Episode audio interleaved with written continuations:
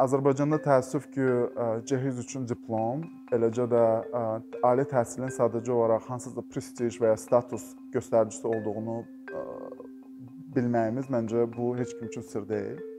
Və ictimai rəy sorğuları da bunu göstərir. Axırıncı dəfə Qafqaz barometrinin 2013-cü ildə keçirdiyi ictimai rəy sorğusunda soruşulur ki, ali təhsil oğlan üçün daha vacibdir, yoxsa qız üçün? 41% respondent məhz oğlan üçün ali təhsilin qızlara nisbətən daha vacib olduğunu deyir.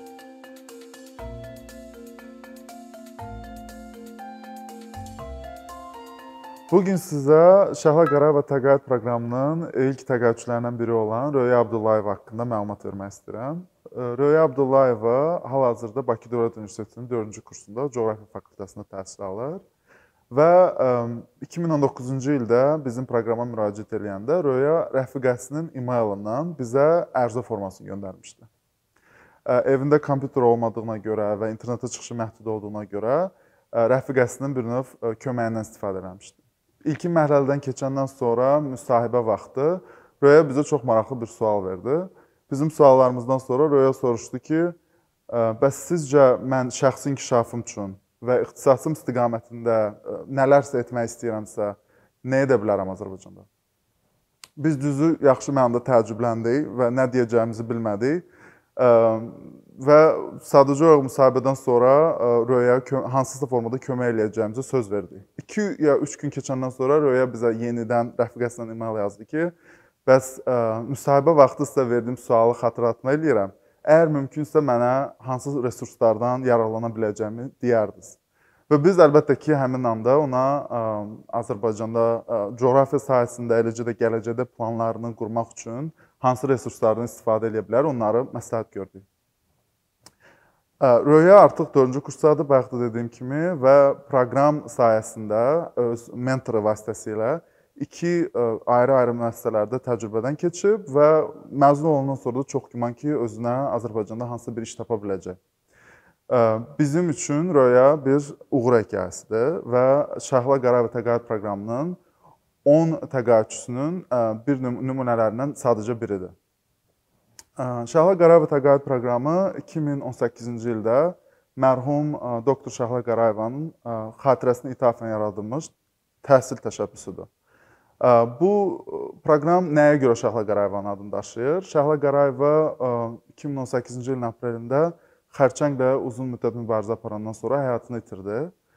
Şəhla Qarayeva mənim müəllimim olub və məndən əlavə yüzlərlə, bəlkə minlərlə insan onu tanıyır müəllim olaraq. 93-cü ildən etibarən Bakı Dövlət Universitetində ingilis dili və Amerikan ədəbiyyatı üzrə dosent olaraq çalışıb, dərs deyib və çox unikal aurası olan bir insan olub. Onu tanıyan hamı e, indiyə kimi xatırlayır ki, təkcə xarici görünüşü, geyimi, danışığı, insanların münasibəti ilə yox, eləcə də e, dərs keçmə metodu, dərs vaxtı e, izah etmə strategiyaları və eləcə də tapşırıqların verilməsi hər bir baxımdan doğrudan unikal bir insan olub. Mən çox təəssüf edirəm ki, bütün dünya və yaxud da Azərbaycanda olan digər insanlar onunla tanış ola bilməyib və hələ də mənim üçün onun haqqında keçmişdə danışmaq çətindir. Ona görə ə, məndən əlavə Aygün Qarayeva və Aynur Nəbiyeva ilə birlikdə biz 2018-ci ildə Şəhla Qarayeva təqaüd proqramını təsis etdik. Proqramın ə, başlıca məqsədi Azərbaycandan olan ə, gənc qız və qadınların ə, təhsil imkanlarını genişləndirməkdir. Burada bizim üçün prioritet az təminatlı ailələrdən olan və təhsilə çıxışı məhdud olan gənc qızlar və qadınlardır. Nəyə görə təqaüd? Bizə çox vaxt sual verirlər ki, siz sadəcə olaraq pul verməklə kimə kiməsə nə cür kömək edə bilərsiniz? Amerikada, ümumiyyətlə xaricdə, amma xüsusən ABŞ-da Promise Scholarship və yaxud da ki, VAD təqaüdləri adında çoxlu proqramlar var. Bu proqramların vədi ondan ibarətdir ki, əgər sizin GPA-niz, yəni or akademik ortalamanız və qiymətləriniz yaxşı olarsa, universitet daha doğrusu orta təhsili bitirəndən sonra universitetdə sizə təqaüd veriləcək. Və artıq əvvəlcədən, hətta ibtidai sinifdən bəzən tələbə şagird bilir ki, əgər o müəyyən ortalamaya nail olsa, onun təqaüdü hazırdır. və bunlar adlanır promise scholarships. Və tədqiqatlar göstərir ki, həqiqətən həmin o maliyyə vədi, yəni kiməsə demək ki, biz sənin maliyyə xərcini qarşılayacağıq, tək ki sən yaxşı oxu, başqa sözlə. O həmin insanların akademik göstəricilərini doğrudan da yaxşılaşdırır və əvvəl həmin o imkanlara malik ola bilməyən insanlar o həmin o imkanlara daha da həmin o imkanları onlar üçün daha da əlçatan edir. Bu səbəbdən bizim proqram məhz ali təhsilə çatımlığı hədəfləyir və Azərbaycanda ya yenicə abituriyent olan və yaxud da ki, artıq universitetdə təhsil alan, lakin maddi çətinlik ucbatından təhsilini, təhsil xərclərini qarşılaya bilməyən gənc qız və qadınları hədəfləyir. Proqramın 3 komponenti var. Bu 3 əsas komponentin ən birinci və ən vacibi bizim crowdfunding kampaniyası və büdcəmizin iyanələr əsasında formalaşmasıdır. Hər il biz akademik ili məhz crowdfunding kampaniyası ilə başlayırıq və müxtəlif ölkələrdən bu günə kimi 250-yə yaxın iyanəçi bizim proqramda fərdi iyanələri vasitəsilə bizi dəstəkləyirlər. Bu büdcə əsasında biz daha sonra bir dəfəlik 700 dollar məbləğində təqaüdlər verə bilərik. İkinci proqramın komponenti ə, ərizə qəbulu və ərizələrin ərizələrə baxış və müsahibələrin keçirilməsi nəticəsində təqaüdçülərin seçilməsidir. Bu proses adətən akademik ilin ortasında başlayır və biz ə, ərizələr vasitəsilə təqaüdçülərdən məlumatlar alırıq, onların profillərini öyrənirik və müsahibələr eləyirik. Bu prosesdə həmçinin bizim dəstəkçilər, iyanəçilər də iştirak eləyir və yazılı formada öz rəylərini bildirirlər, hansı təqaüdçülərin daha çox ehtiyacı olduğu haqqında. Əlbəttə onlar ə, həmin ərizəçilərin yazdığı ərizələrlə tanış olmalıdırlar. Və sonda biz 6 təqaüdçü seçib onların hər birinə təhsil xərclərinin qarşılanması üçün 700 dollar məbləğində təqaüd veririk. Təqaüd nağd şəklində yox və birbaşa həmin şəxsə, həmin fərdə yox, onların təhsil aldığı müəssisəyə ödənilir. Bu bir növ şəffaflıq və hesabatlıq baxımından bizim üçün vacibdir. Bizim proqramın üçüncü komponenti isə mentorluq proqramıdır. Mentorluq proqramı təqaüdçülər üçün bir növ əlavə bir imkandır.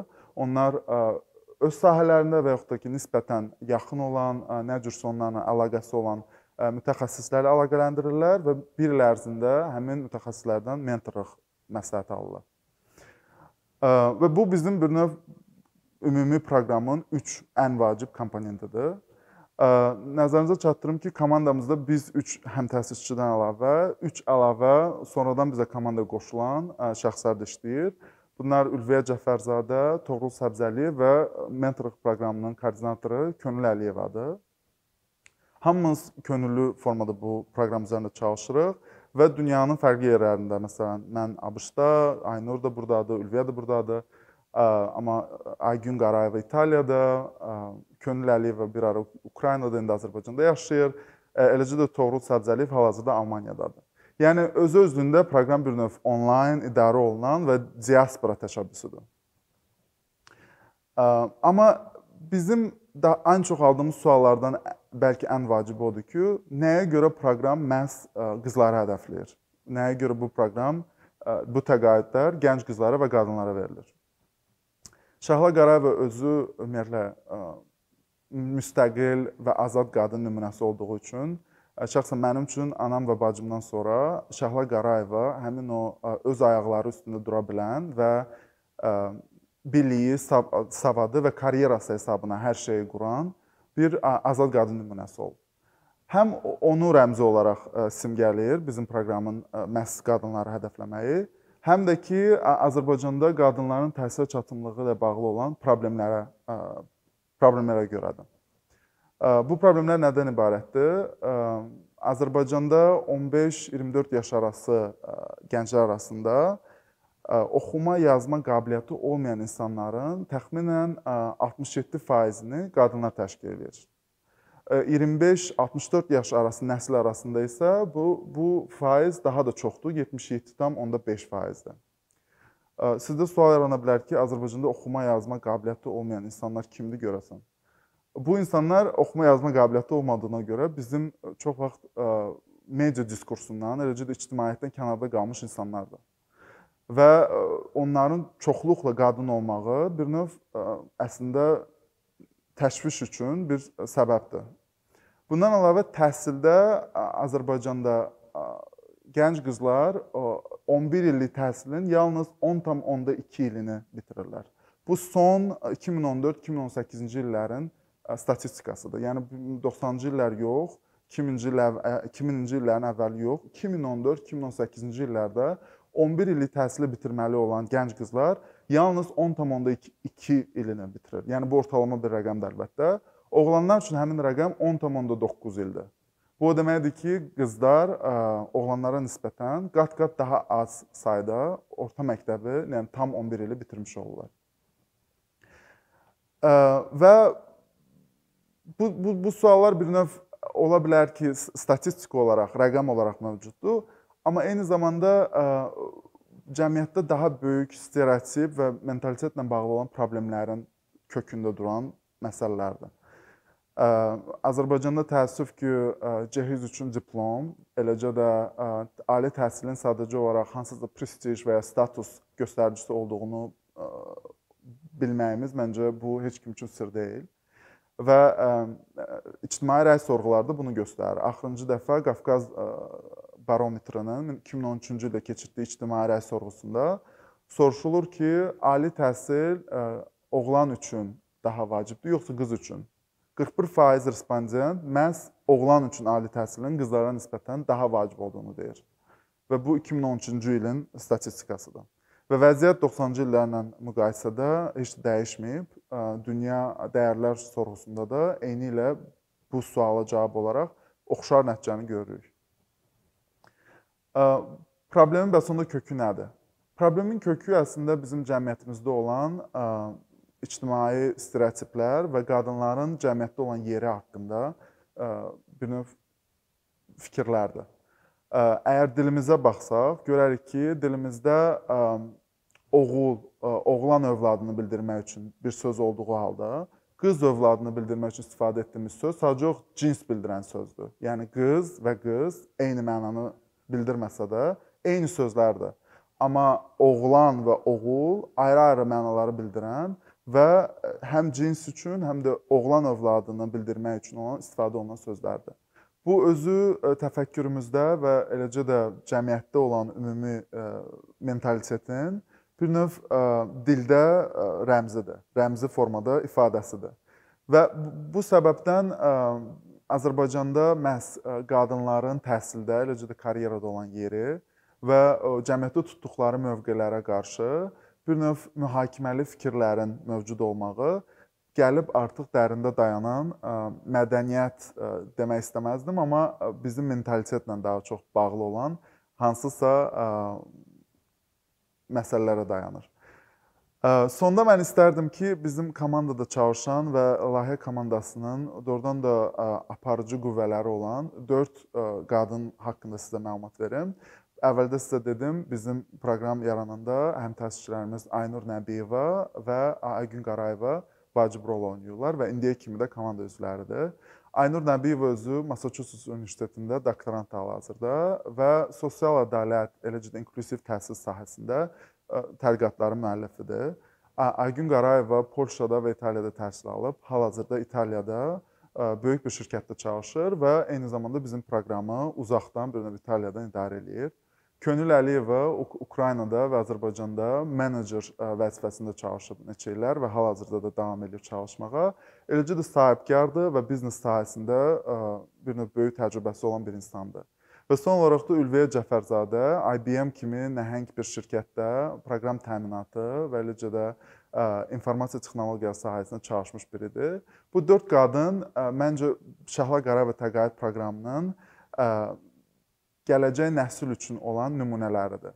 Və mən istərdim ki, baxmayaraq ki, proqramın sözcüsü olaraq mən bu gün sizinlə danışıram, istərdim ki, cəmiyyətimizdəki bütün kişilər öz mövqeyindən və nüfuz və gücündən istifadə edərək qadınların təhsili, qadınların hüquqları və Azərbaycanda gender bərabərliyi sahəsində olan məsələlərə fikir bildirəndə də məhz bunu birinci düşünsünlər.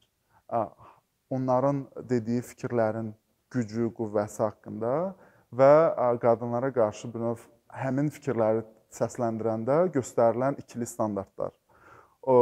Və ona görə sözümü elə bitirmək istəyirəm onunla ki, Azərbaycanda Şəhla Qarayeva kimi öz həyatını öz hesabına, biliyi, savadı və karyerası hesabına qurmuş qadınların sayı nə qədər çox olsa, cəmiyyətimizdə o qədər çox çiçəklənər. Əkinçinin yeni videoları haqqında məlumatlı olmaq üçün kanalımıza abunə olmağı və xəbərdarlıq funksiyasını aktivləşdirməyi unutmayın. Bununla bərabər gördüyümüz işlərin davamlı olmasını istəyirsinizsə, bizim patronların sırasına qoşulmağınızı rica edirik. Əkinçinin Patreon icmasının üzvü olaraq siz bizim təşəbbüsə dəstək göstərməklə bərabər hazırladığımız materialları hər kəsdən öncə izləmə imkanı əldə edəcəksiniz. İmkandan istifadə edərək cari patronlarımıza işlərimizi davam etməyə yardım olduqları üçün dərin təşəkkürümüzü bildiririk.